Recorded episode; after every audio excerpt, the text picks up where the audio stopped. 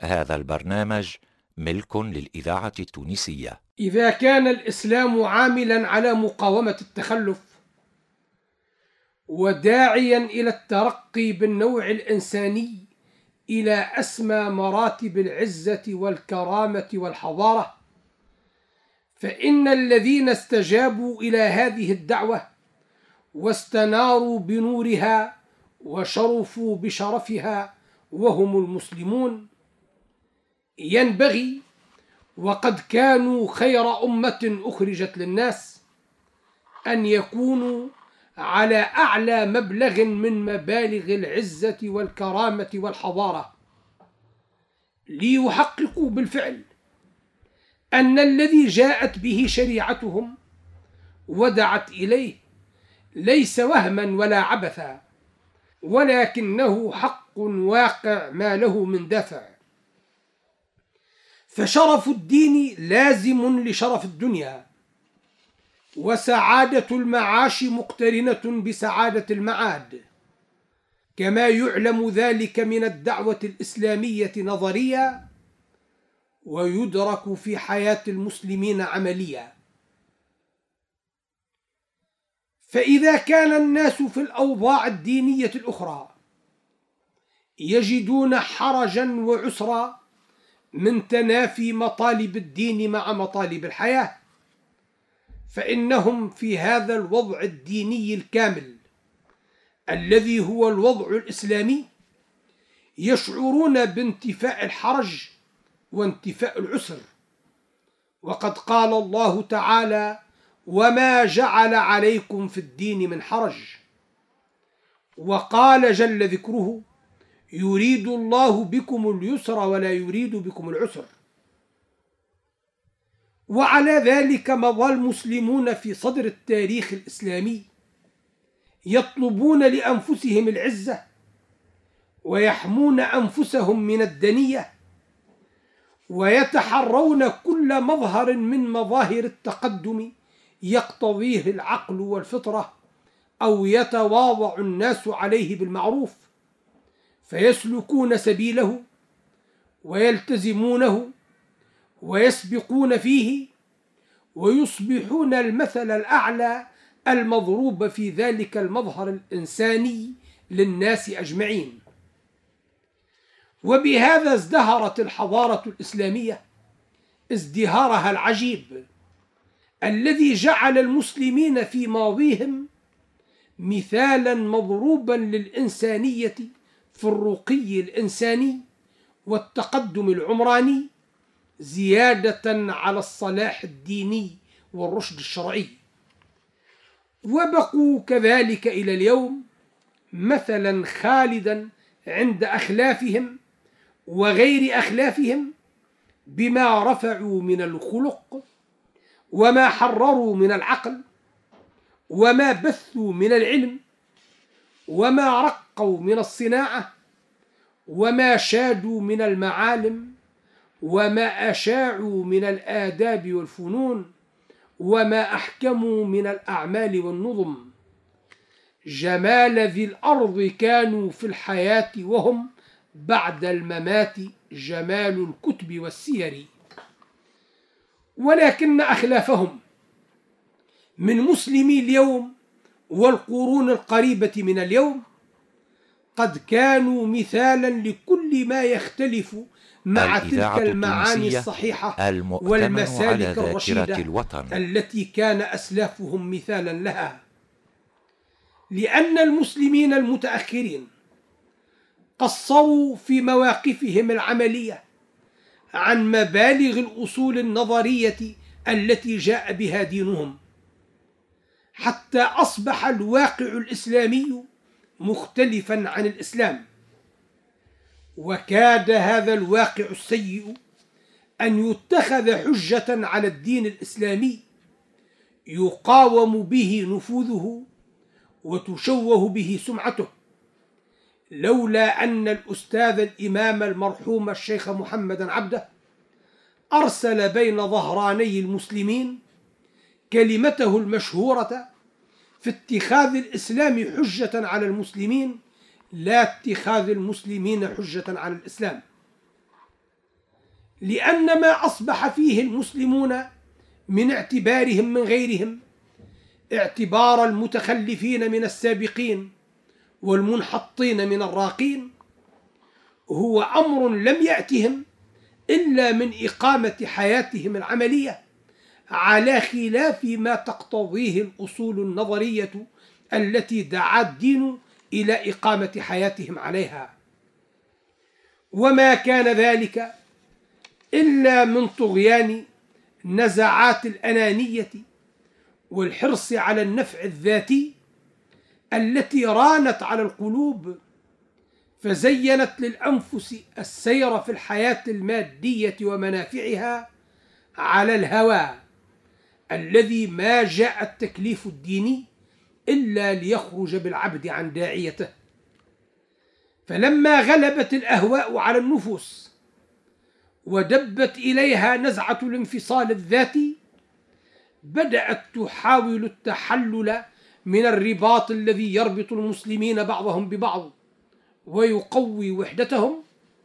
فسول لها ذلك أن تنقض الأصل الإسلامي من إدراج حقيقة الدنيا في حقيقة الدين لتسير في جلب المصالح الدنيوية على ما تدفعها إليه الأهواء والشهوات وتحملها عليه نزعة الانفصال الذاتي.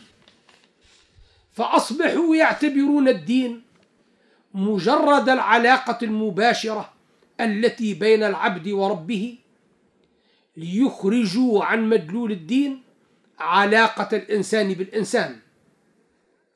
في حال أن الدين جعل علاقة الإنسان بالإنسان موضوع العدل الذي أقيمت عليه شريعة الإسلام وجعل مراعاة الإنسان لمصلحة الإنسان مرقاة لما فوق ذلك من مقام الإحسان.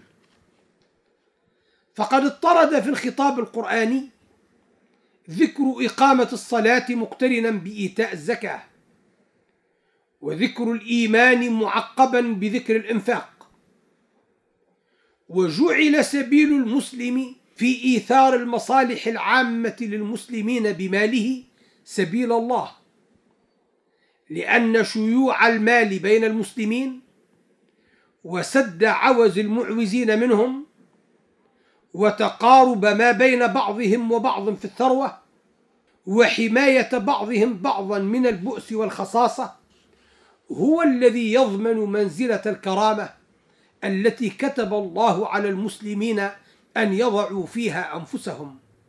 فقال ولله العزة ولرسوله وللمؤمنين وقال ولن يجعل الله للكافرين على المؤمنين سبيلا وقال تعالى وأنتم الأعلون. ثم أليس الله قد كتب الجهاد على المسلمين لتكون كلمة الله هي العليا؟ إذ ليس الجهاد إكراها للناس على الإيمان بالدين ولكنه إقرار لجماعة المسلمين في منزلة السيادة حتى تكون يدهم هي العليا وإرادتهم هي الغالبة. أوليست الهجرة التي كتبت على المسلمين قبل الجهاد؟ لهذا المعنى أيضا حتى لا يكون المسلم مسودا لغيره محكوما بإرادة غيره منزلا منزلة الهوان. ولذلك نسخ حكم الهجرة بعد فتح مكة وعز الإسلام فقال النبي صلى الله عليه وسلم لا هجرة بعد الفتح. التونسية ولكن جهاد ونية.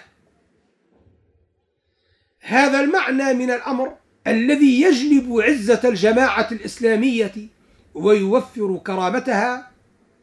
هو الذي كان المسلمون الأولون يراعونه في أعمالهم فأصبح به مجتمعهم قويا متماسكا وكرامتهم القومية مرعية بين الأمم ومنزلة العزة لهم مفروضة ثابتة.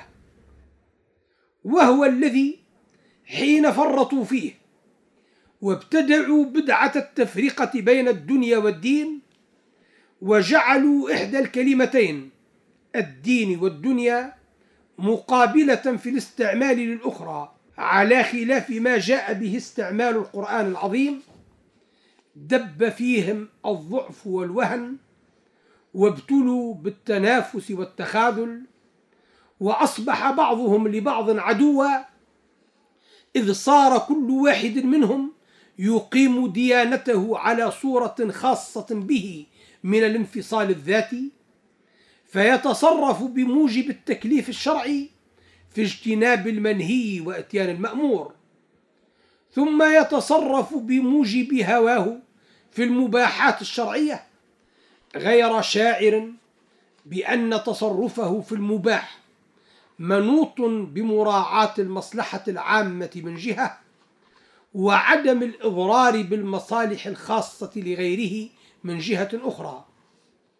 وقد قال النبي صلى الله عليه وسلم لا يؤمن أحدكم حتى يحب لأخيه ما يحب لنفسه وقال عليه الصلاة والسلام من أصبح ولا يهمه من أمر المسلمين شيء فليس منهم. وقال عليه الصلاة والسلام في جوامع كلمة لا ضرر ولا ضرار.